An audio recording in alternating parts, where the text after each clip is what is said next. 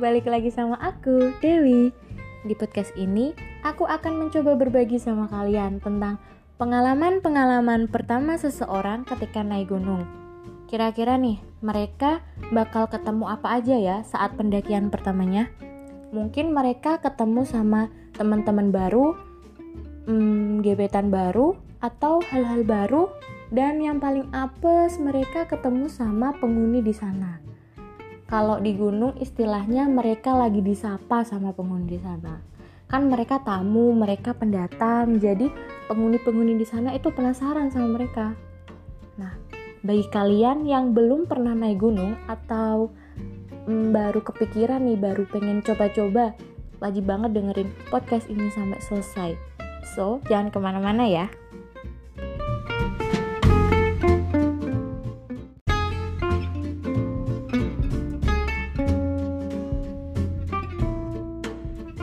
Oke, kali ini aku kedatangan seseorang yang udah pro banget nih sama dunia pergunungan. Katanya sih dia awal banget memulai pendakian itu sejak SMA. Wah, keren gak tuh? Bayangin aja anak SMA udah daki. Langsung aja kalau mau kenal-kenalan, dia ada di samping aku. Namanya siapa, Mbak? Iya, nama aku Eka. Oke, Mbak Eka. Pertama kalinya muncak itu di gunung apa?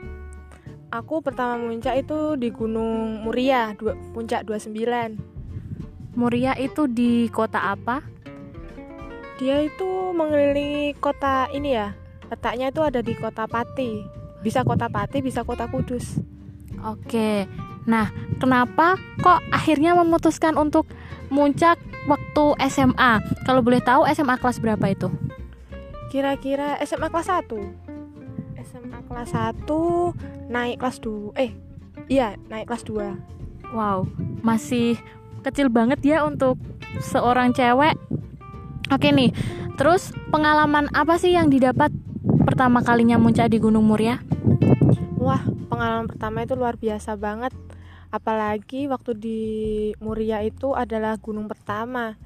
Nah itu aku itu aja iseng jadi itu waktu itu diajak teman. Temen itu teman aku SMP dan itu beda sekolah waktu SMA dia SMK aku SMA nah sekolah dia itu mengadakan seperti pecinta alam gitu loh. Nah di pecinta alam itu dia ngajak aku yuk ikut. Ya udah ikut ikut ikut ikut. Awalnya nggak dibolehin tuh nggak dapet izin sama orang tua.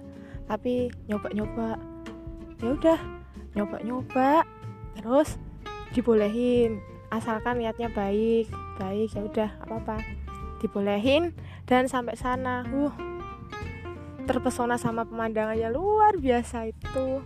Makanya itu langsung jadi pengen. Tapi aku kapok untuk naik puncak 29 kenapa tuh kok bisa kapok?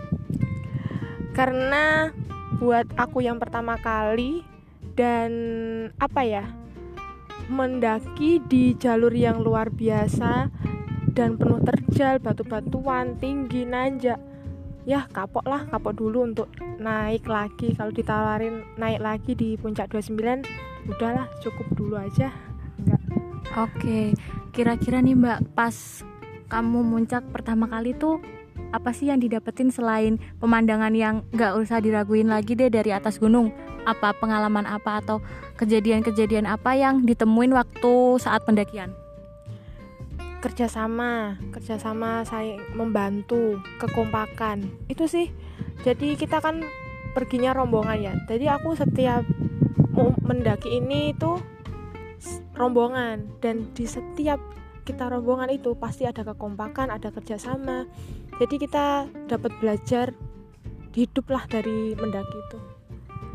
Oke, nah kan kata orang-orang nih, aku pernah dengar sesuatu kayak gini. Uh, kita itu akan tahu sifat seseorang kalau diajak ke gunung. Bener gak sih kayak gitu? Gimana ya? Iya sih. Kalau kita, apalagi ya kalau aku ya, tipe yang suka mengamati sikap atau karakteristik seseorang, pasti terlihat sih seperti orangnya yang, ayo muncak yuk daki yuk gunung ini yuk. Tapi nanti kelihatan malesnya kompaknya individualnya egoisnya kayak gimana. Jadi diuji banget kalau di gunung itu udah kelihatan deh. Gitu ya.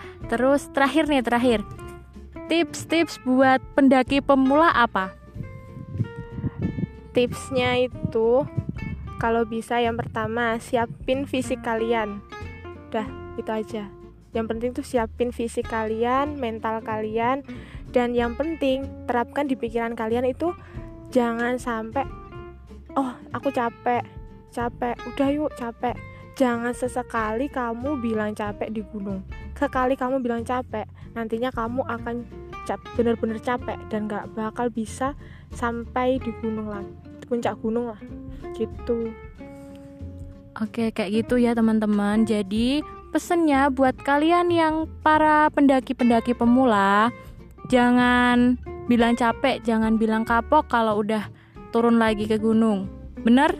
Iya, dan satu lagi, kita itu mendaki gunung bukan untuk mencari puncaknya juga. Jadi nggak usah egois untuk berlomba-lomba cepet-cepetan di puncak. Yang terpenting itu adalah kita bisa bersama pulang ke rumah. Puncak itu bonus ya? Ya benar sekali. Dari hasil kita kerjasama, kekompakan, jika kita diizinkan untuk sampai di titik puncak suatu gunung pasti akan tercapai. Tapi jika kita hanya menaikkan egois kita, ya percuma aja. Untuk apa puncak kita dapatkan tapi persaudaraan, pertemanan itu terbuang sia-sia.